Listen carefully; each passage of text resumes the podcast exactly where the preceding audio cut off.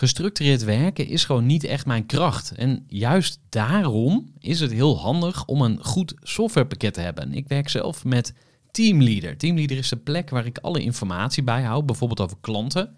Waarin ik offertes maak en verstuur en die digitaal laat ondertekenen. Waarin ik facturen verstuur, waarin ik lijstjes bijhoud, waarin ik projecten kan managen, waarin ik standaard e-mails kan programmeren. Kortom, ik gebruik Teamleader om alle werkprocessen van mijn bedrijf te stroomlijnen. En zeker ook als je met een team werkt, is het heel fijn om over dezelfde informatie te beschikken. Nou, als je ook benieuwd bent of er mogelijkheden zijn om jouw bedrijf meer te stroomlijnen, of je nu alleen werkt of met een team, ga even naar teamleader.nl slash groeivoer en je kunt dan vandaag nog een trial starten voor twee weken lang, gratis. En je kunt Teamleader volledig uitproberen. En na de proefperiode krijg je ook nog zo'n leuke korting als luisteraar van Groeivoer. Ga naar teamleader.nl slash groeivoer. Gooi voor. Gooi voor. Gooi voor. Zoek je inzicht, inspiratie voor je eigen bedrijf. Wil je elke dag iets leren? Welkom bij weer een nieuwe aflevering van de Groeivoer podcast. En ik sta hier met Sebastiaan Hoofd. En ja, hoe omschrijf je zo iemand die ontzettend veel gedaan heeft, enorme staat van dienst als ondernemer, maar die bijvoorbeeld ook DJ is, die entrepreneur in residence is bij Nijenrode, die meerdere boeken geschreven heeft. Kortom, ik sta hier met een eh, zeer veelzijdige man, Sebastiaan Hoofd. Van harte welkom bij de podcast. Wat een geweldige introductie zeg. Ik had het zelf niet eh, korter kunnen houden, denk ik. Voor de kennis en ideeën van een interessante gast. Die zijn verhaal met jou Ik doe mijn best en eh, ik wil nog even een speciale dank uitspreken naar eh Sherif El Zaini van eh, Delivery Oh, Drivers. Ja, Ja, die is lid van de Groeiclub voor Ondernemers, mijn intervisiegroep van ondernemers. En hij droeg jou aan, want hij heeft met jou een rondje in het Vondelpark gelopen. ja hele slimme kerel. Ja. Ja, dus hij zei van, "Goh, ga nou eens met Sebastian praten. En nou, hier zijn we dan. En zoals altijd begin ik met het allereerste begin. En ik wil jou vragen om ons eh, eh, mee te nemen in het leven van de kleine Sebastiaan. Wat voor jochie was je? Schets eens een eh, beeld, als je Ik had me op heel veel vragen kunnen voorbereiden, maar deze is wel echt... Ja, de kleine Sebastian was dol op, me, op, op eh, Matchbox autootjes. Dus ik had er ook heel veel. Iedere keer als wij boodschappen gingen doen bij, bij de supermarkt, dan ja, had je daar zo'n rek met van die autootjes. En dan, dan kreeg ik er eentje en die zet ik dan ook allemaal op een lange rij in de, in de huiskamer. Maar heel snel werd mijn, eh, mijn aandacht getrokken door de, de, ja, de Betamax videorecorder die we hadden. En eh, ja, dat is, ook, dat is ook een beetje waar mijn, eh, mijn carrière als DJ is begonnen. En de kleine Sebastian zat bij voorkeur met, met de videorecorder MTV op te nemen. En daar maakte ik dan ja, voor mezelf een soort van mixtapejes op, op Betamax van. Ik denk dat de kleine Sebastian kun je het wel het beste zo, zo zien. Creatief met, met de Betamax en ondertussen lekker die, die autootjes op een rijtje zetten. Ja, dat klinkt als een, eh, een heerlijke jeugd. Eh, waar, waar ben je opgegroeid? Nou, ik ben geboren in Haarlem. En eh, ik ben al heel snel verhuisd naar Zoetermeer met mijn ouders. Vreselijke plek om te, om te wonen. Ik had het daar ook helemaal niet naar mijn zin. Ehm, Ken je en, überhaupt iemand die positief is over Zoetermeer? nou, ik, ik ken wel iemand die er woont. Die vindt dat geweldig. Ja, ik kon daar niet, als klein jongetje, niet, niet, niet de aarde, hoorde ik van mijn ouders. We zijn heel snel verhuisd daarna naar eh Uithoorn. Dat is een klein plaatsje onder de rook van Amsterdam. En ik, ik, zal, ik zal nooit zeggen dat ik een Amsterdammer ben. Maar dat is wel een beetje mijn, mijn playground eh, geweest. Daar kocht ik mijn eerste platen. Eh, daar ging ik voor het eerst uit. Daar ben ik nu ook gaan wonen. Dus ja, ik, ik voel me geen Amsterdammer, maar ik voel me wel thuis in Amsterdam. Ja. Hey, en eh, om even naar je ouders te gaan. Wat, zijn nou de, eh, wat is nou het belangrijkste wat je van je vader hebt meegekregen? En het belangrijkste wat je van je moeder hebt meegekregen? Nou, mijn vader eh, werkte bij IBM, maar voordat hij bij IBM ging werken, heeft hij in flipperkasten gehandeld. En zij kochten oude flipperkasten op. Die gaven ze dan even een technische make-over. En die verkochten ze dan aan, aan bekende Nederlanders. Dus als wij door Nederland reden met het gezin. Hè, dan reed mijn vader soms een blokje om en zei: Kijk, in dit huis daar woont eh, Robert Long. En die heeft een flipperkast eh, staan van mij. En eh, ja, ik ben dus ook opgegroeid met tien flipperkasten in de huiskamer. En hij zei tegen mij, hij zei, joh Sebastian, eigenlijk het is jammer dat ik daar nooit in verder ben gegaan. En wij hebben op een gegeven moment, ja, met, het geld dat we verdiend hebben, zijn we lekker uit eten gegaan. En dat was het. Dus hij zei, joh, als je de kans hebt om voor jezelf te beginnen, eh, grijp, die kans dan, eh, grijp die kans aan. Je kan altijd nog voor een suf Amerikaans bedrijf eh, gaan werken. Ja, en dat, dat is mij altijd bijgebleven. Ik realiseerde mij toen eigenlijk niet, toen hij dat zei, ja, wat de impact van die woorden zouden zijn. Maar pas in mijn latere leven, toen ik ja, meer ging terugkijken van ja, hoe is mijn leven eigenlijk gelopen. Hè, ik ben een boek gaan schrijven. En toen ik daarmee bezig was, toen schreef ik dat op. En toen was ik ook echt even stil. En dacht ik, jee, ik heb het ook echt zo gedaan. Toen hij die kans kreeg, ben ik voor mezelf eh, begonnen. Ja, en, en mijn moeder is echt een, een huisvrouw. Die was gewoon thuis. Die eh, kookte iedere dag. Die eh, zorgde ervoor dat er stof gezogen was. Maar die was ook thuis als ik uit school kwam. Hè, met een kopje thee en, ja, en, en een luisterend oor. Ja, en die, zou ik zeggen, die, die warmte, maar ook aandacht voor andere mensen. En dat is denk ik wat ik bij haar heb gevonden. Mooi. Even naar ehm, de schoolbankjes. Basisschool, middelbare school. Toen ben je een beetje gaan eh, ondernemen. Daar wil ik straks nog wat meer over vragen. Maar je hebt ook allerlei eh, studies in het buitenland gevolgd. Stanford, die springt natuurlijk uit. Hè? Dat is een hele bekende eh, Amerikaanse universiteit. Beroemde ondernemers komen daar vandaan. Wat zijn de grootste lessen die je meegenomen hebt? Eigenlijk is dat, is dat toeval hoe ik daar beland ben. En toen ik in eh, 2010 mezelf opnieuw ging eh, uitvinden, toen werd ik uitgenodigd door eh, Oscar Kneppers. Die had net eh, de eerste accelerator van Nederland had hij, eh, had hij bedacht. En hij zei, Sebastiaan, hij zei, ik ga iets beginnen. En liet hij een heel document zien met eh, ja, allerlei waarden en normen. Ik dacht, "Wauw, wat is dit nou eigenlijk? Hij zei, ja, en ik wil dat je daarvan de entrepreneur in residence wordt van mijn accelerator programma. Dus eh, ik zei, Oscar, lijkt me geweldig, dat ga ik doen. Dus ik ben naar huis gereden toen ben ik gaan googlen entrepreneur in residence en accelerator. En toen heb ik op Wikipedia gelezen wat dat is. Dacht ik, oh, dat lijkt me eigenlijk wel heel erg leuk. Maar de bedoeling was dat wij tien startups gingen helpen om investor ready te worden. En onderdeel daarvan was een soort van eh, schoolreisje naar Silicon Valley. Daar zouden we dan een maand eh, gaan zitten. Ja, en in Silicon Valley gingen mijn, mijn ogen open. Ja, eh, we waren daar met een groep ja, van die tien startups. Al, al heel gauw bleek dat niet heel goed te functioneren als je zo, jezelf zomaar injecteert in die Amerikaanse samenleving. Maar ik ontmoette daar wel eh, iemand op, op het business office. Dat is Peter Lane. En Peter Lane is gewoon een, eh, een legende in, eh, in ondernemersland. Peter Lane werkte voor het consulaat op San Francisco. En is een beetje mijn leermeester geweest over ja, hoe werkt Amerika en hoe werkt dan in het bijzonder Silicon Valley en hoe gedraag je nu eigenlijk? En een menige tech-ondernemer die eh, San Francisco eh, is ge- eh, geland en eh, op zoek is gegaan naar venture capital in het grote Amerika, ja, heeft zijn eh, herinnering dat hij ooit bij Peter Lane eh, op het consulaat langs is gegaan. Dan liep je eerst naar de receptie boven en dan werd Peter eh, opgeroepen en dan hij zijn jas aan. Dan liep je naar beneden en dan daar tegenover zat een steakhouse en dan had hij zijn eigen stoel. En uh, dat hoeft hij ook nooit te bestellen, want hij kreeg gelijk een eh, steak en een, een glaasje rode wijn bezorgd. En ik denk als je menig Silicon Valley eh, vraagt van, goh, ken je Peter Lane? Dan komen ze met dit eh, verhaal. En Peter zei, Sebastiaan, ga eerst eens eh, kijken hoe het hier, hier aan toe gaat.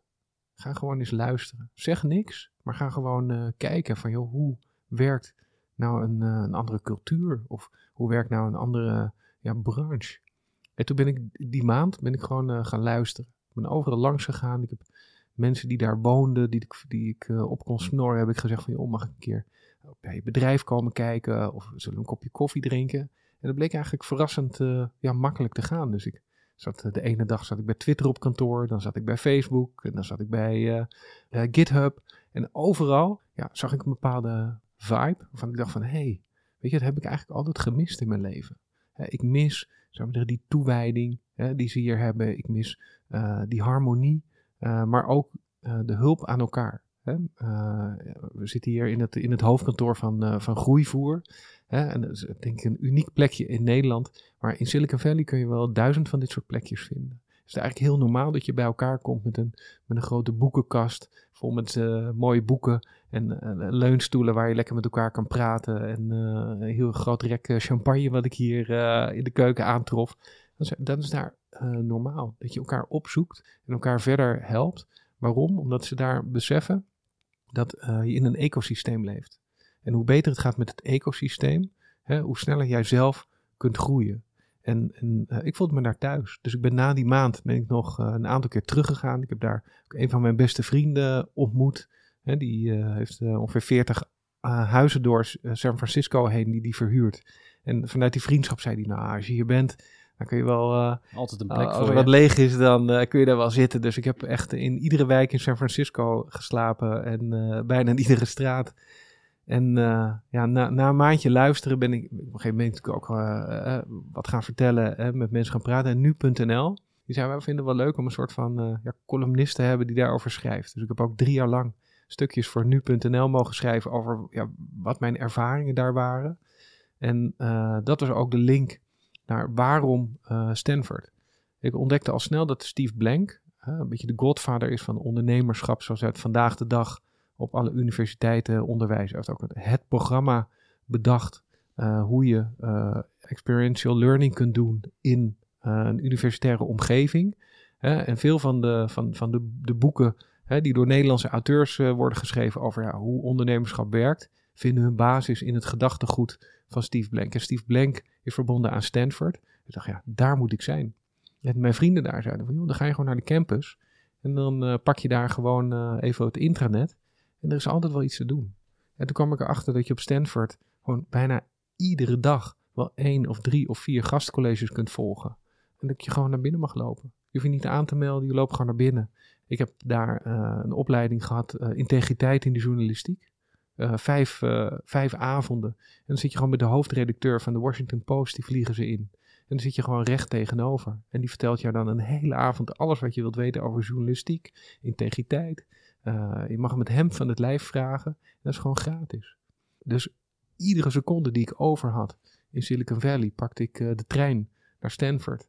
En ging ik daar gewoon in de collegebanken zitten. Ge geweldig veel geleerd. Ja, maar en, dat heeft je dus geen geld gekost? Want dat is Stanford gratis. is hele Dat is gewoon gratis. Je, je, krijgt nog een kopje koffie erbij ook. Ja. En wat is dan die ene les die je meeneemt? Is misschien een lastige vraag, maar is er één ding waarvan je zegt van dat moet iedereen weten die daar nog nooit geweest is? Is dat eigenlijk je, al je grote helden kun je gewoon bellen en een afspraak mee maken. Maar let op, dit is het grote verschil tussen de Nederlandse student of de Nederlandse ondernemer en de Amerikaanse. Kom met intentie. Dat is het grote verschil. In Nederland uh, hebben we vaak zoiets van ja we gaan eerst even koffie drinken en een beetje aan elkaar wennen. In Amerika werkt het heel anders. Don't in Amerika, waste my time, denk ik dan meteen. Uh, ja, dat is de negatieve. Uh, en zo kijken we in Nederland vaak. Oh, Amerikanen, don't waste my time. Uh, get to the point. En dat is vanuit, een, vanuit Nederland, hoe we daar naar kijken. Maar als je daar een tijdje meedraait, dat is helemaal niet hoe er naar gekeken wordt. Zie het van de positieve kant. Kom met intentie. Mensen vinden gewoon fijn te weten van, ja, waarom ben je hier eigenlijk? En dat betekent niet dat ze je willen, willen afbreken en je de deur uit willen schoppen. Nee, dat betekent dus gewoon willen weten, wat kan ik nou echt voor je doen? Wat heb jij nou nodig om succesvol te zijn? En dat mogen we in, in, in Nederland ook wel iets meer leren. Is inderdaad het niet van de negatieve kant continu te benaderen. Van ja, uh, get to the point. Nee, het, het gaat niet om get to the point. Maar weet je zelf eigenlijk wel waarom je hier zit.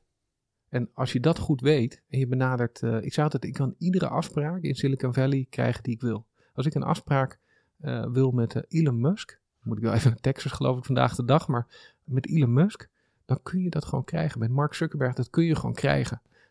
Je moet wel met intentie komen. Je moet wel reden hebben om iemand te benaderen. En soms heb je die reden gewoon niet. En gewoon elkaar leren kennen. Ik krijg misschien wel tien keer in de week krijg ik een berichtje via LinkedIn. hoi, uh, jij komt regelmatig in mijn tijdlijn voor. Ik dacht, misschien is het leuk om een keer met elkaar te sparren. Uh, wanneer kun je? En dan denk ik, ja, wat is dan je intentie? Ik heb een hartstikke leuk leven. Ik heb echt meer te doen dan dat ik op een dag zou kunnen doen. Wat is nou je intentie? Als iemand mij een berichtje stuurt, van luister, ik heb gelezen, jij uh, bent een DJ-carrière begonnen en op je dertiende, je bent er een tijd uit geweest en je wil weer, je kan weer back in the game. En dan moet ik zeggen, ik heb ook zoiets, weet ik veel, dan heb je nou misschien iets anders wat je hebt gedaan. Zeg ja, ik wil ook weer terug in de game komen. Ik zou even willen weten, hoe heb jij die eerste stap gezet? Ja, als je iemand benadert, uh, weet je, kom met de intentie. Ja. Um, je noemde het zelf al even. Je bent eigenlijk in je tienerjaren je eerste bedrijf uh, gestart. wil ik even op inzoomen. Want wat was jouw eerste business? Ik hield van gabbermuziek. En, eh, Cavello of eh, die andere, wat was het ook alweer? Ja, Dano Per, Busfus, waren fantastische namen. Ja, en ik moest dus echt op de fiets naar het centrum van Amsterdam, want waar, daar werden die platen verkocht. Eh, achteraf blijkt aan mij door eh, iemand die nu een van mijn beste vrienden is. Maar ja, goed, toen, eh, ik, zat, ik ging nooit uit. Hè? Ik dronk ook geen alcohol, ik was echt heel geïsoleerd, maar ik vond die muziek gewoon gaaf. Dus ik kocht die platen en dan ging ik terug naar Uithoorn, dan ging ik naar het zolderkamertje en dan had ik twee platenspelers en een mixertje had ik gekocht. En dan had ik een eh, cassettedek. Ja, dan zat ik op zolder zat ik die, eh, die platen in te mixen. Dat nam ik dan op op een cassettebandje. En die verkocht ik op het schoolplein. Als ik tien platen had gekocht, dat was dan 100 gulden. Nou, dan moest ik wat cassettebandjes kopen. Nou, als ik die, als ik die verkocht voor 10 gulden op het schoolplein, als ik zo'n beetje 10, 12 bandjes had verkocht, nou, dan had ik weer wat geld en dan kon ik weer nieuwe platen kopen. En dat was eigenlijk mijn eerste business. En eh, ja, dat werd eigenlijk door school werd het afgestraft. Hè, toen eh, werd ondernemerschap helemaal niet herkend, was ook helemaal geen vak. Dus ja, wat kreeg ik te horen? Ja, dat mag je niet op het schoolplein doen, want dat is illegaal. Dus ja, moest ik het om de hoek eh, gaan verkopen.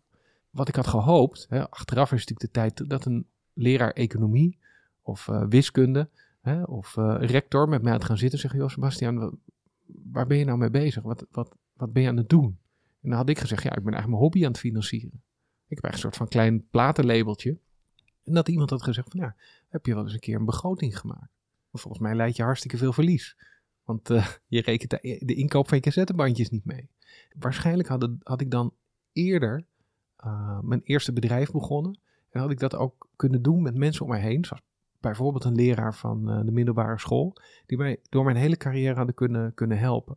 En daarom ben ik ook zo blij dat we nu in Nederland veel meer ondernemerschapsonderwijs hebben. Dus om die, die kleine Sebastiaans van 13 hè, te helpen te doen wat ze echt leuk vinden. Want jij, jij, jij, jij zei van, ja, hoe was je schooltijd? Ja, ik denk dat ik tot mijn dertigste, misschien wel tot mijn 35ste, heb ik echt nachtmerries gehad van school.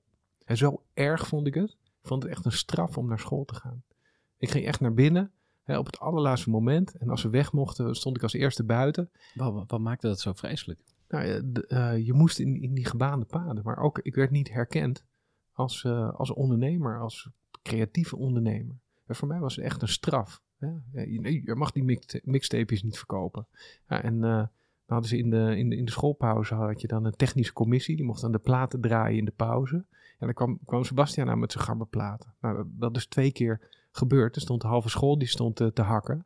Ja, dan kwam eh, iemand van school die zei: Nee, dat is niet de bedoeling. Dat soort muziek wordt hier niet gedraaid. Dus ja, ik werd echt, ja, wat dat betreft, ja, werd het me niet makkelijk gemaakt. En ik heb echt eh, ja, de verplichting dat je de hele dag moet doen wat zo'n leraar ja, wil dat je doet. Ja, dat, eh, dat past gewoon niet, eh, niet bij mij. Nee. hey, en ehm, wat was dan het eerste bedrijf waarmee je naar de Kamer van Koophandel ging?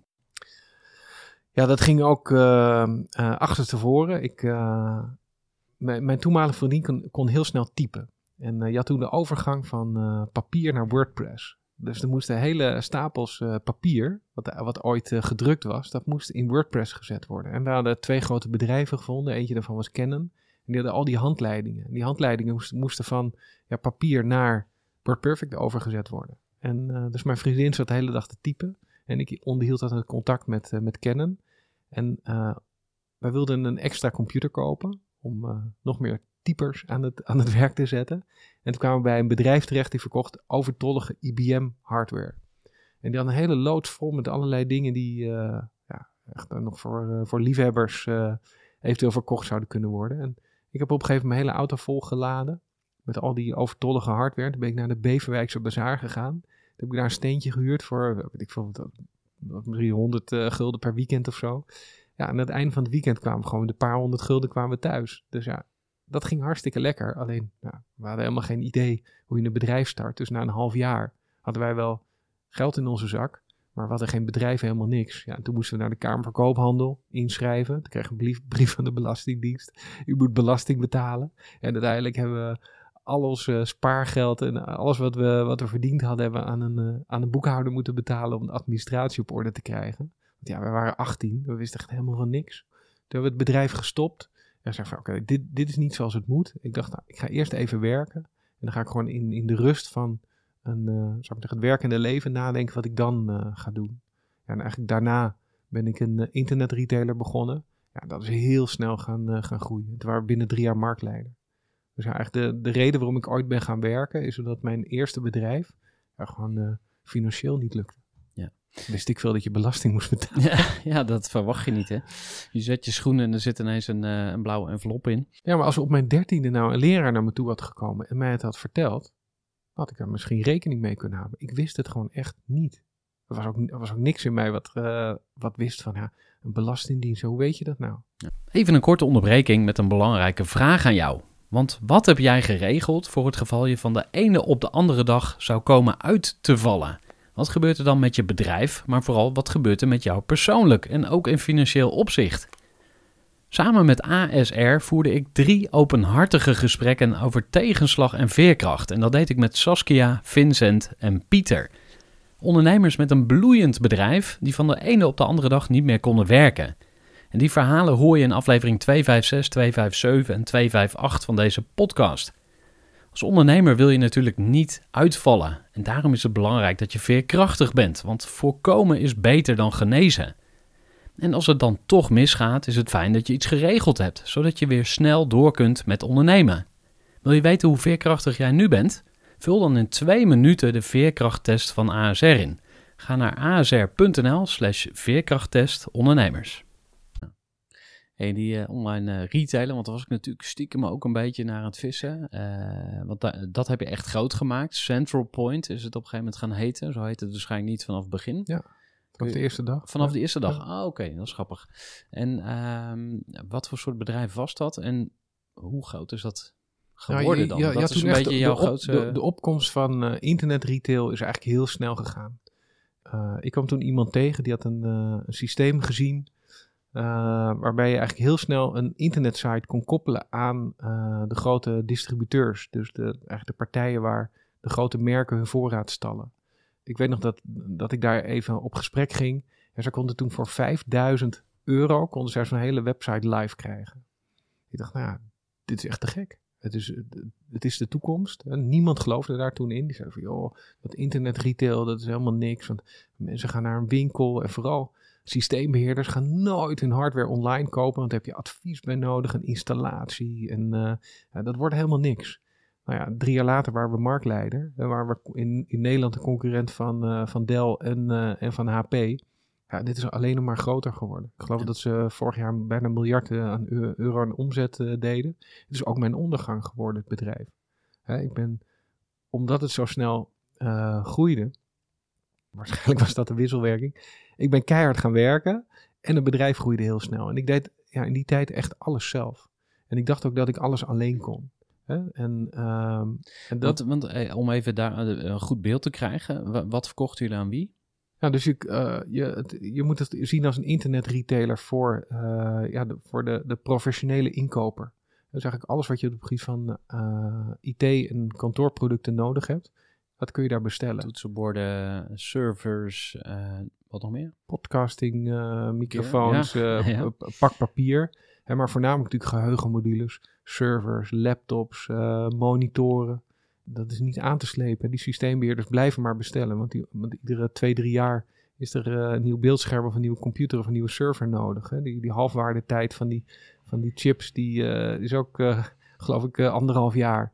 Ja, dus ja, dat, dat is een, eh, een enorm logistieke operatie die nu helemaal online eh, verloopt. Hè. Het zijn eigenlijk computers die met computers praten. Dus bijna geen mens komt daar meer aan te pas. Maar ja, in 2002 ja, was, dat, wa- was dat nog niet zo. Want dat was eh, het begin, hè? Dus met, met hoeveel mensen begonnen jullie en, en hoe ging die groei? Zeg maar, hoe, hoe groeide dat team? Ja, en, ik ben er trots op dat we eigenlijk heel weinig mensen voor ons hadden werken en veel automatiseerden. Dus ik denk de, de kracht van eh, de groei van het bedrijf was één. Ik heb het bedrijf vanaf dag één gerund alsof het een marktleider was. Dus iedere beslissing die ik nam, was die van de marktleider. En twee, iedere handmatige handeling eh, heb ik geautomatiseerd. Dus ik had eigenlijk de hele dag over de schouders van de medewerkers mee te kijken. Ja, wat doen mensen nou één, twee, drie keer op een dag? En kunnen we dat automatiseren? En als het geautomatiseerd kon worden, maakt me eigenlijk niet uit wat het kostte. Dan eh, liet ik het gewoon maken. Dat ik dacht van ja, iedere menselijke handeling die je in dit proces kunt uitschakelen, is gewoon pure, pure winst. Eigenlijk de enige hindernis in die hele e-commerce is gewoon de mens. Hoe kwam je op dat idee? Was er iemand die zei, oh, dat moet je zo doen? Of Nou, kan ik achteraf. eh, Nou, ik heb dat gedaan omdat ik voelde dat dat moest gebeuren. Nu eh, praat ik hier al tien jaar over. Dus kan ik het ook mooi verwoorden. Maar toen wist ik helemaal niet waar ik mee bezig was. Als je mij toen had gevraagd van wat doe je? Gewoon zeggen, nou, iedere ochtend sta ik gewoon op, ga keihard werken. En dan val ik aan het einde van de dag val ik, eh, van de ellende val ik eh, in slaap. Ik heb nu tien jaar lang heb ik het, eh, heb ik geleerd om het mooi te verwoorden. Maar het, het was aan het begin natuurlijk heel, gewoon heel ugly. Weet je, dus het was helemaal niet van een filosofie van, nou, wat ik ga doen. Ik ga over Nee. de schouders van de medewerkers meekijken en dan ga ik het zo en zo doen. Nee, het was gewoon iedere dag gewoon een struggle.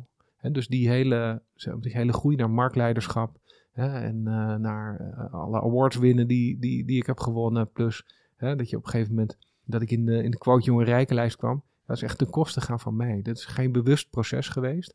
Achteraf, eh, met alles wat ik heb gedaan, hè, inclusief bij, bij, bij, bij- op, op Stanford colleges volgen of boeken lezen en met, met mensen reflecteren op wat ik heb gedaan. Zeggen van, oké, wacht even, Sebastiaan heeft gewoon een, een aantal facetten van ondernemerschap, heeft hij goed uitgevoerd. Het is bijvoorbeeld één facet waar ik absoluut in heb gefaald. Dat is mezelf gezond houden. Gezond houden. Dat is ook mijn ondergang geweest als mens.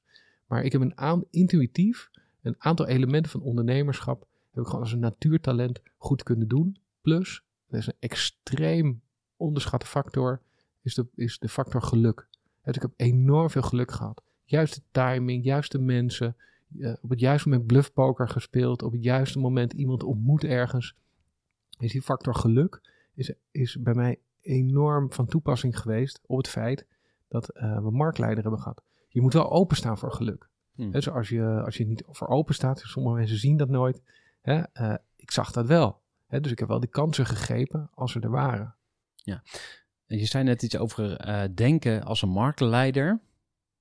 Kun je dat eens uitleggen? Wat, Ja, dit het is een mindset. Als je, als je bedrijf wilt laten groeien, denk dan als de marktleider. Hè. Dus projecteer jezelf al eh, naar het moment dat je marktleider bent. En eh, welke beslissing zou je geno- genomen hebben als je eh, nu al de marktleider was?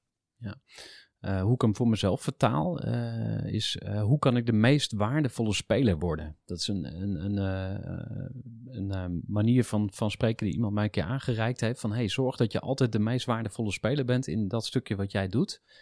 Maar daar moet je af en toe even aan herinnerd worden. Hè? Dus eh, dat is natuurlijk ook iets. Ja, dan heb je, je kan er helemaal in duiken van ja, wat is dan eh jouw Blue dat? Ocean? En, hè? Dus er zit, we kunnen de hele definitiekwesties vervallen, maar ik ben het helemaal met je eens. En daarom ook vaak eh, met studenten die een start-up beginnen, hè, kijken we naar de, ja, welke, welke waarde lever je nu? Welk probleem los je op? Welke waarde heeft dat voor hè, jouw potentiële klant? Hè, maar een vraag is ook, ehm, hoeveel mensen ervaren dat probleem echt? Dus hoe groot is jouw markt? En ik denk dat dat ook wel relevant is. Want als jij heel veel waarde gaat leveren, als jij eh, de grootste van je markt wil worden, je gaat heel veel waarde leveren aan maar ja, een heel 10 of beperkt, 100 ja, mensen, ja. dan misschien eh, past het niet helemaal bij je ambitie.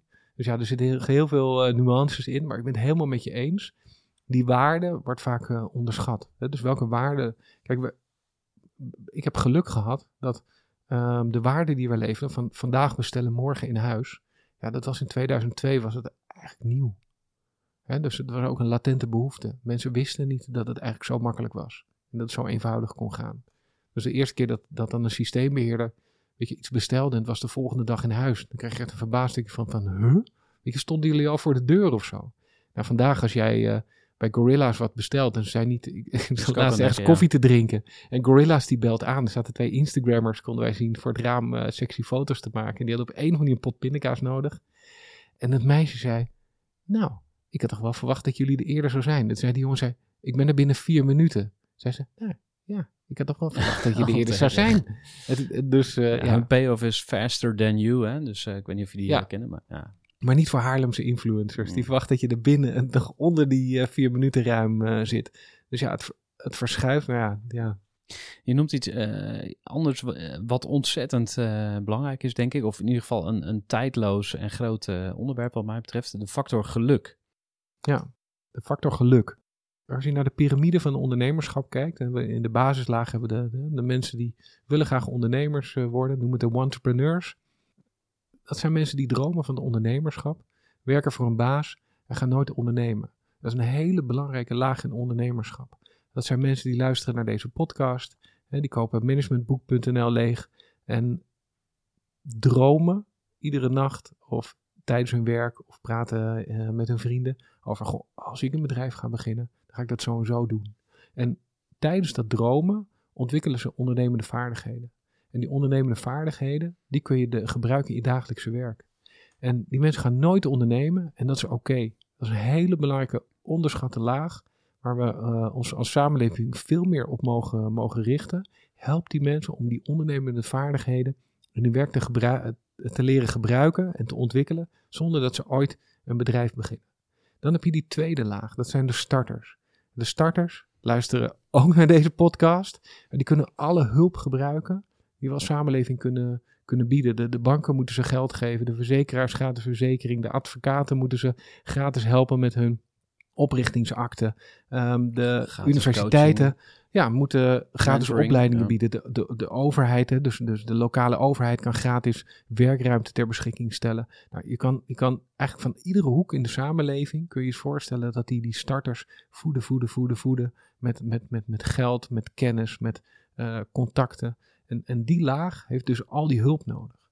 Uiteindelijk, als het allemaal lukt, kom je in de allerbelangrijkste laag van ondernemerschap. Dat zijn gewoon de ervaren ondernemers. Dat ben jij, dat ben ik. En dat zullen van de ondernemers die naar deze podcast luisteren, is dat 99%. En dat is, dat is ook de motor van onze economie.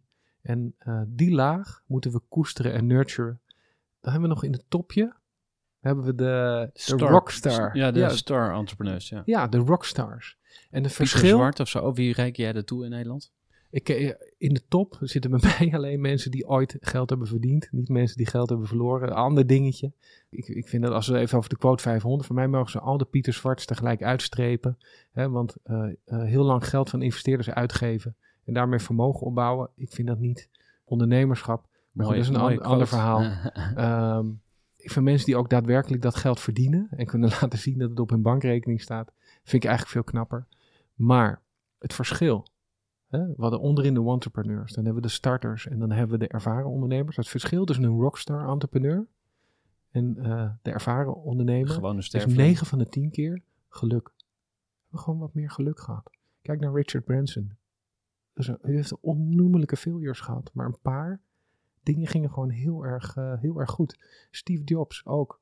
Eh, Elon Musk ook. Hè, die hebben ook allemaal hun failures op hun naam staan. Maar de dingen waar ze dan bekend om worden, daar zit die portie geluk, is echt een enorm belangrijke factor. En dat zijn vaak de mensen waarvan wij de boeken lezen. En dat is best wel een risico. Want als je alleen maar de boeken van Richard Branson over Steve Jobs en eh, eh, van Elon Musk eh, leest, dan krijg je misschien een beetje het idee dat de manier hoe zij een methodiek presenteren hè, of hun leven leiden, hè, dat dat jou naar eh, dat puntje van die, eh, van die, Ja. eh, van die groep Iedereen kan dit. eh, wil het, als je wil het graag ontkrachten. Ja. Wil graag op. Ja. Als, je, als je ervaring mag opdoen, als je met een ondernemer mag praten, ga een keer bij Steve Jobs lang. Of eh, bij, eh, hoe heet dat, eh, Elon Musk langs op zijn Twitter. Raak geïnspireerd. Maar je kan veel meer leren gewoon van een ervaren ondernemer. En dus als jij ook eh, een netwerk van mentoren om jou heen gaat verzamelen, zoek niet naar die rockstar entrepreneurs. Zoek naar die ervaren ondernemer. Want die ervaren ondernemer moet er veel harder voor werken. Uh, hij moet veel meer tools inzetten, veel meer ondernemende vaardigheden inzetten, om gewoon iedere dag een lekkere boterham te verdienen. En, en daar uh, denk ik dat we veel meer naar mogen kijken als het gaat om, om het weer. En bij universiteiten kun je vaak hele mooie, soms gratis programma's volgen. He, je kan uh, lid worden van een, van een businessclub of van een kennisclub, he, waarbij je regelmatig bij elkaar komt, gewoon met ervaren ondernemers. En misschien één keer per jaar nodigen ze die ene held van je uit, die jou dan inspireert. Maar denk dan even in je achterhoofd van, ja, maar hij heeft wel heel veel geluk, geluk gehad. Ja. Je maakt het ideale bruggetje naar de Groeiclub voor Ondernemers. Dat is namelijk mijn uh, uh, mastermind. Uh, ja, eigenlijk de, de term mastermind past niet helemaal. Je zou het beter een intervisiegroep kunnen noemen. En een uh, ondernemer die ook uh, lid is, die zei gisteren, want die was hier even, die zei van, hoe kan het nou dat in Nederland alle psychologen bijvoorbeeld en psychiaters elk jaar een verplichte intervisie moeten doen om hun papiertje te houden, hè, dus om BIG geregistreerd te zijn. Maar dat alle ondernemers eigenlijk niet zo bezig zijn met intervisie en met eh, ontwikkeling. En ja, een van de antwoorden is natuurlijk ja, te druk. Wat zijn jouw tips om te ontsnappen aan de red race eh, in je eigen bedrijf en om toch te kiezen voor structureel, want bij de Groeiclub doen we dat elke maand, hè, dus we komen elke maand bij elkaar. Wat heb jij gedaan om structureel aan je groei te werken? Ja, tijdens mijn eh, explosieve groei, waarbij ik heel veel geluk heb gehad, echt helemaal niks. En eh, als je mijn boek leest, dan zie je dat ik in 2009 wakker werd in het ziekenhuis. Ja. Dat is je voorland als je niks doet. Dus laten we even zeggen, als je niks doet, lig je waarschijnlijk in dat ziekenhuis waar ik lag, als je, als je explosief wil groeien. Dus wat heb ik nu in de afgelopen tien jaar geleerd, wat ik eigenlijk had kunnen doen? Als ik in die tijd, dat ik aan het groeien was, een goed netwerk van mentoren om me heen had gehad, dan hadden die waarschijnlijk naar mij toegekomen en gezegd: Sebastian, met jouw bedrijf gaat het hartstikke goed. Maar jij als mens gaat er compleet aan onderdoor. Dan hadden ze wellicht voorkomen dat ik mezelf het ziekenhuis in had gewerkt. Had ik nu misschien nog een eh, e-commerce retailer gehad die een miljard omzet deed. Hè, had ik in plaats van in de, in de wannabe-lijst, had ik in de grote quote-lijst eh, gestaan. En eh, had ik een mooie zak wortels voor jou meegenomen hier als, als cadeautje. Maar ehm, zo is het voor mij niet gelopen. Maar als ik kijk van waar zat nu mijn Achilleshiel, en dan zat het in, in dat netwerk van mentoren. En ik ben in de afgelopen tien jaar, ben ik dat netwerk wel gaan bouwen.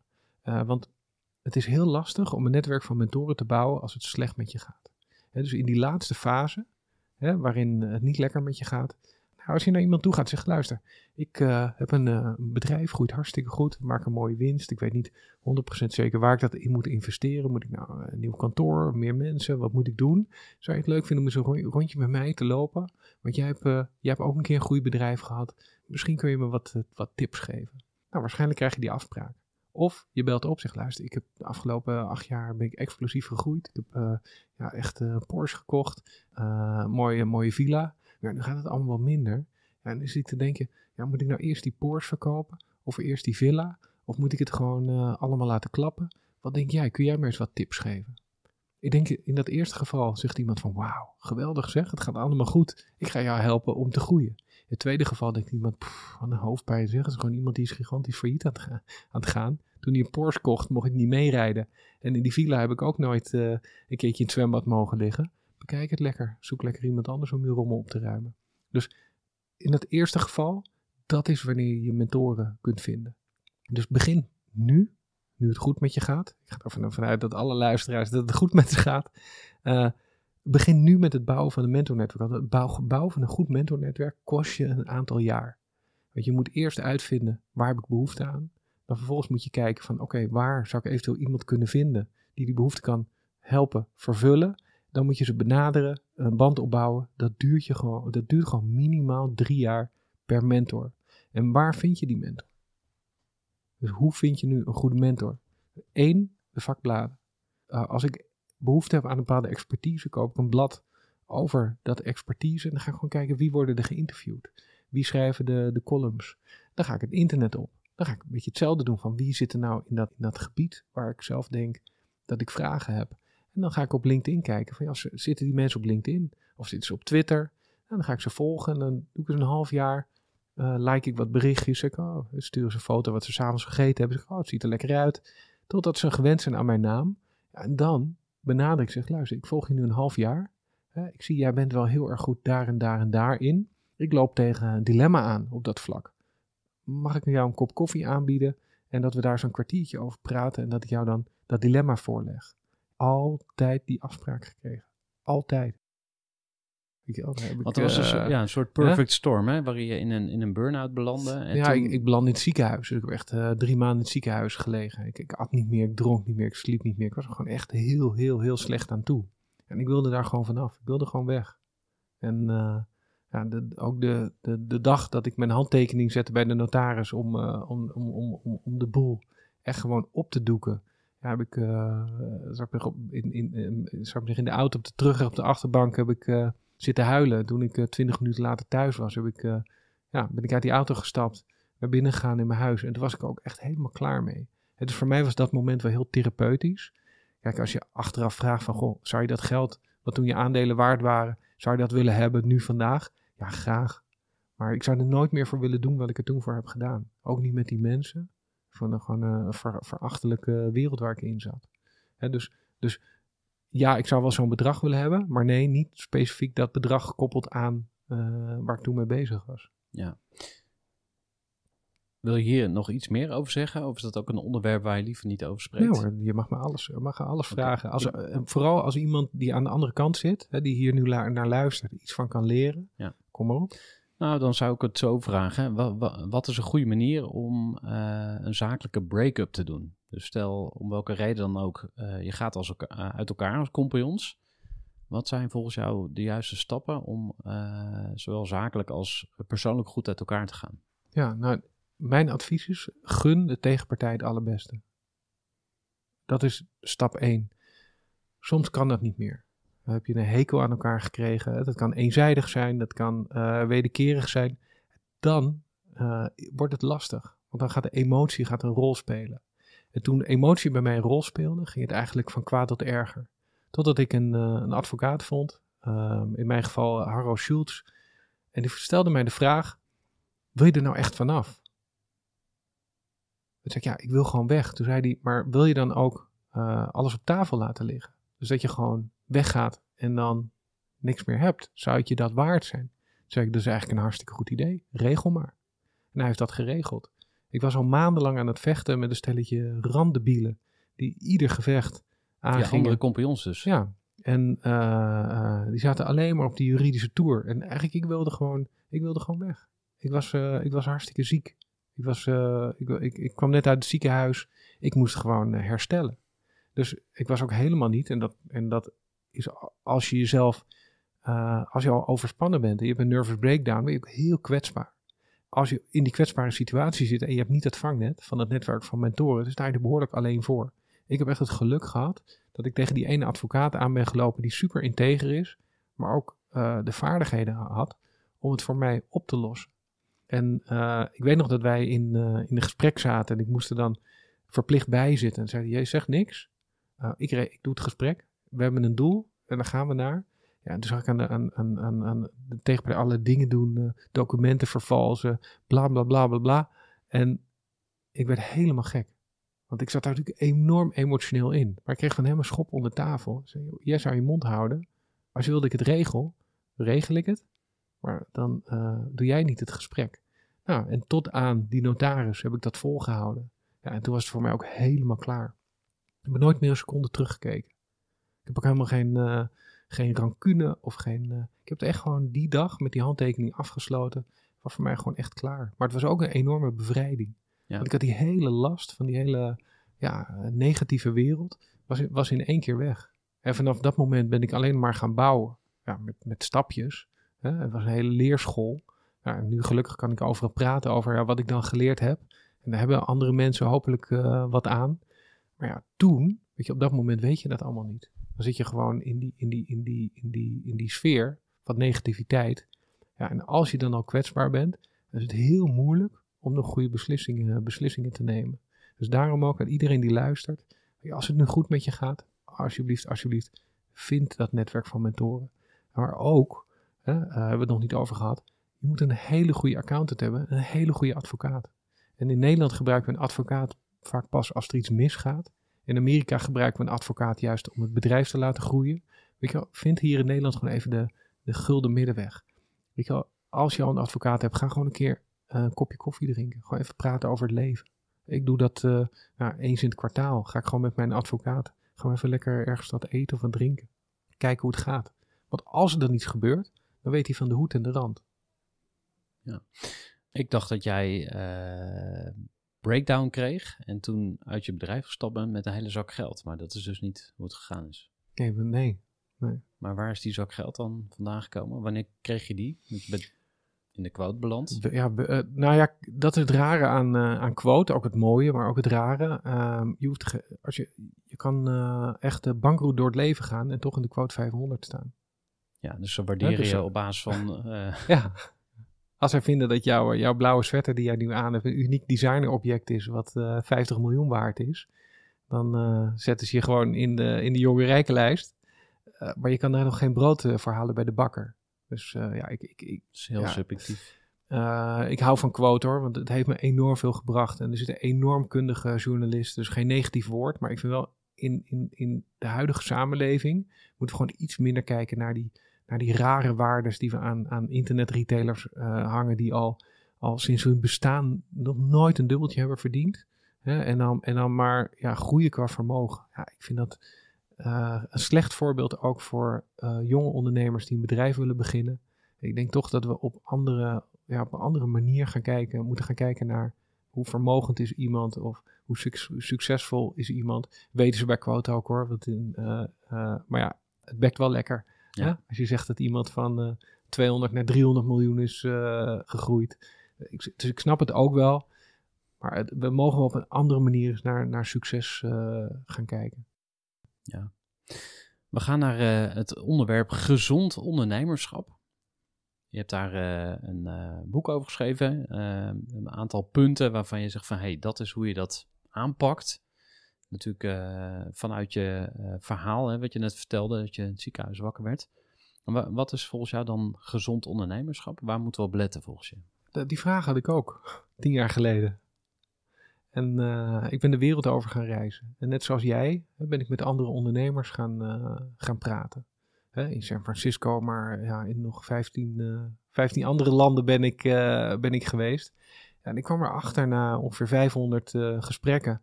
Ja, iedere ondernemer balanceert zijn of haar tijd over dezelfde vijf facetten. Hè, dat is wat je doet, dus je, je, je idee. Maar het is ook je team. Dus wie heb je om je heen verzameld om het te kunnen doen. En dat is je planning. Dus je begrip, waar kom je vandaan? Waar sta je nu? Waar ga je naartoe? En je vermogen om, om die reis aan andere mensen over te brengen. En het zijn je, ja, je resources. Dus weet je nou eigenlijk wel wat je hebt, wat je succesvol maakt? Maar heb je ook een begrip van wat je nou mist? En, en, en wat is jouw vermogen om dat uh, te verkrijgen? En dan komen we op het laatste punt waar jij heel veel over wil weten, want dat is, dat is uh, waar je naar vroeg. Is, ben je in staat om te meten hoe het met je gaat? Dus je gezondheid.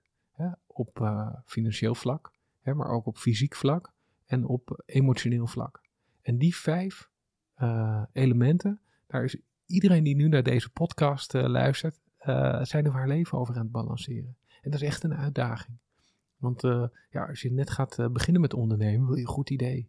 En je wilt het allerbeste idee van de hele wereld. Maar ben je al twintig jaar bezig en je komt erachter dat je veel te hard werkt, zeg ja, ik, ik heb geen, geen goed team om me heen. En je ziet dat die balans vinden, hè, voor iedereen die nu luistert, ja, is gewoon echt een struggle. En de ondernemers waar wij net over hadden, die rockstar ondernemers, hè, die dat geluk hebben, zijn daar ook niet altijd het allerbeste in. Maar binnen de ervaren ondernemers, als je gaat kijken van wie zou zichzelf nou zeggen, van zichzelf zeggen, ik ben gelukkig, ik ben gezond en ik ben succesvol, dat zijn toch wel de mensen die van nature die balans heel goed hebben, hebben gevonden. En dus de kunst van de mensen die nu luisteren is om iedere dag eens even na te denken van hoe ga ik nou vandaag mijn dag balanceren over die vijf elementen. Wat, wat heeft er nu voor mij echt aandacht? En probeer dan ook de gaten daarin te vinden. probeer te vinden van ja, waar scoor ik nou eigenlijk wat minder op? Waar denk ik dat ik behoefte aan heb aan ondersteuning? En daar komt die. Netwerk van mentoren. Als je een probleem hebt, als je zegt van oké, het is echt acuut, probeer dan te kijken of je een coach of een consultant kunt vinden om echt het probleem op te lossen. er zijn in Nederland best wel goede coaches te vinden. Er zijn best wel goede consultants te vinden die gelijk in willen stappen en jou echt door een blokkade heen willen helpen. Of specifiek een probleem voor je op willen lossen. Maar als je over lange termijn die balans wilt vinden, ja, dan kan je netwerk van mentoren je met die balans helpen. En uh, gezond ondernemen als het misgaat, uh, of als er iets moet veranderen en mensen komen bij mij en ik ga ze helpen, hè, dan doe ik een live redesign. Dat duurt een, uh, een maand en dan gaan we echt iedere dag gaan we aan de slag. En waar ik dan mee begin, is eigenlijk met de drie eenheid bewegen, voeding en slaap. Dus we gaan kijken, uh, kunnen we iedere dag iets aan beweging doen? En beweging betekent niet naar de gym, maar beweging betekent gewoon ook even een rondje wandelen. Een uurtje, even lekker s ochtends van 7 tot 8. Uh, dat kan niet in. En dan hebben we het nog over slaap. Ja, slaap is voor heel veel ondernemers toch een uitdaging. Want als je in de excitement van de dag ja, naar bed gaat, dan lukt het soms niet zo heel erg uh, goed. En als je dan denkt van nou, hè, dat, eh, dat glaasje whisky of dat glas champagne eh, gaat mij dan wel in slaap helpen. Ja, dan merk je toch dat eh, of eh, mensen bewust zijn van ik slaap heel weinig en daardoor voel ik me niet zo goed. Of dat ze denken van ja, ik slaap heel veel, maar toch word ik niet fit wakker. Dus daar gaan we meten. We leggen een slaapmatje onder de matras. Om gewoon te tracken van ja, hoe verloopt die slaap nu? En dan ja, zie je dat 9 van de 10 mensen heeft gewoon extreem eh, slaapgebrek. En een van de symptomen van slaapgebrek is dat je het op een gegeven moment zelf niet meer merkt. Je denkt gewoon eigenlijk dat, ja, dat vermoeid wakker worden, dat dat gewoon de norm is. En natuurlijk klaag je er wel eens over. Maar ja, doorzettingsvermogen trek je wel weer door de dag heen. Als je dan s'avonds uh, hard gewerkt hebt, wil je misschien ook nog even inderdaad weer dat whiskietje drinken. Dus om die negatieve spiraal te doorbreken, gaan we gewoon meten. Hè? Gaan we gewoon twee weken lang al die data bekijken die uit het slaapmatje komt. Eigenlijk iedereen ziet wel van, oh wacht even, dat gaat gewoon helemaal niet goed. Ja, en wat uh, bij mij nog boven komt is dat het ook een lange termijn investering is. En dat vergeten mensen soms. Maar uh, Warren Buffett, die is geboren in 1930. Die man is 91 en hij is nog steeds in business. En op een of andere manier heb ik nog altijd het idee van... oké, je gaat ooit met pensioen. Dat heb jij misschien ook wel van huis uit meegekregen. Gewoon, dat is nog iets, een oud idee. Terwijl misschien ga je wel tot je tachtigste of negentigste... of misschien nog langer ondernemen. En ja, de, een van de eerste vragen die ik ook stel in de eerste week is: uh, hoe oud wil je worden? Ja. 70, 80, 140? Het kan allemaal. Maar dan moet je wel gaan plannen. Ja. En het is voor het menselijke brein heel lastig om dit te beseffen. Ja, want als je, als je 20 bent, denk je dat je onsterfelijk uh, bent. Als je 40 bent, dan begin je al een beetje na te denken van... Ah, begint af te kan brokkelen. nog wel eens een keer uh, uh, een Jij bent van komen. 75, toch? ja. ja okay. Dus het menselijke brein kan heel lastig omgaan met, uh, met lange termijn. Hè. We zijn eigenlijk gericht gewoon op onze volgende, onze volgende maaltijd.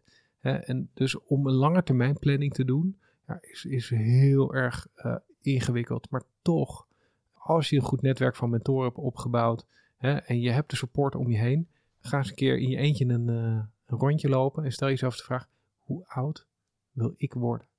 Nou, en dan kun je daar een plan op bouwen. Stel je voor je zegt 110. Nou, dan is een van je eerste prioriteiten, waar je echt de, beste winst in zit, is uh, de strategie niet doodgaan. Hè? Uh, dus door een ongeluk, hè, is een kansberekening. Kan je zelf in watten pakken en in een, uh, in een kluis gaan zitten, maar zelfs dan hè, kan de zuurstofvoorraad opraken. Maar er zijn een aantal bekende oorzaken van dood die je, waar je aan kunt werken. Zoals bijvoorbeeld het voorkomen van kanker hè, het uh, uh, voorkomen van uh, suikerziekte. Daar kun je nu vandaag op gaan schakelen. Ben je hier veel mee bezig? Of?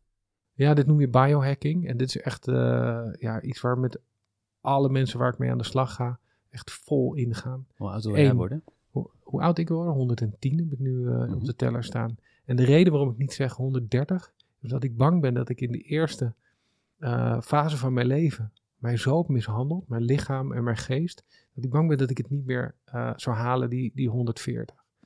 Maar ik heb 110 heb ik, uh, heb ik als doel. En uh, dus het eerste wat ik moet doen, is ervoor zorgen dat ik niet doodga. Hè? Dus daar is nu waar ik redelijk over uit ben hè? Um, en al actie op heb genomen. Dan is het de veroudering stoppen. En de laatste fase is de veroudering terugdraaien. En uh, uh, veroudering terugdraaien, dat zijn echt extreem prijzige therapieën. Hè, die allemaal nog uh, in allerlei, ja, in, in zou ik zeggen, het schemergebied zitten van wat wel of niet. Ja, ik lees erover, ik hoor erover, ik ken mensen die ermee bezig zijn. Voor mij is dat nog niet weggelegd. Ik ben echt nog bij in ieder geval het voorkomen dat ik, dat ik overlijd.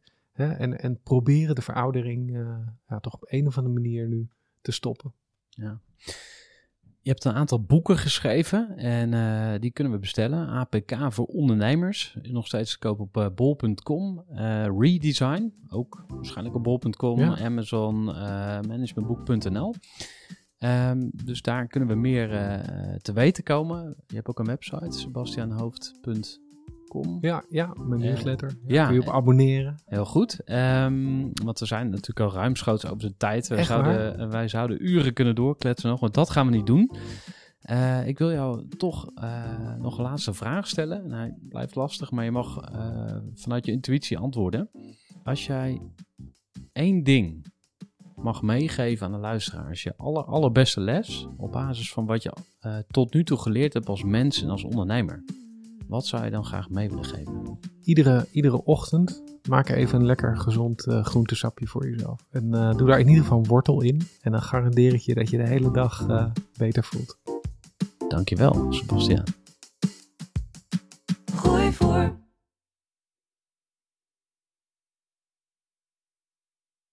Gestructureerd werken is gewoon niet echt mijn kracht. En juist daarom is het heel handig om een goed softwarepakket te hebben. Ik werk zelf met Teamleader. Teamleader is de plek waar ik alle informatie bijhoud, bijvoorbeeld over klanten. Waarin ik offertes maak en verstuur en die digitaal laat ondertekenen. Waarin ik facturen verstuur, waarin ik lijstjes bijhoud, waarin ik projecten kan managen, waarin ik standaard e-mails kan programmeren. Kortom, ik gebruik Teamleader om alle werkprocessen van mijn bedrijf te stroomlijnen. En zeker ook als je met een team werkt, is het heel fijn om over dezelfde informatie te beschikken. Nou, als je ook benieuwd bent of er mogelijkheden zijn om jouw bedrijf meer te stroomlijnen, of je nu alleen werkt of met een team, ga even naar teamleader.nl slash groeivoer en je kunt dan vandaag nog een trial starten voor twee weken lang, gratis. En je kunt Teamleader volledig uitproberen. En na de proefperiode krijg je ook nog zo'n leuke korting als luisteraar van Groeivoer. Ga naar teamleader.nl slash groeivoer.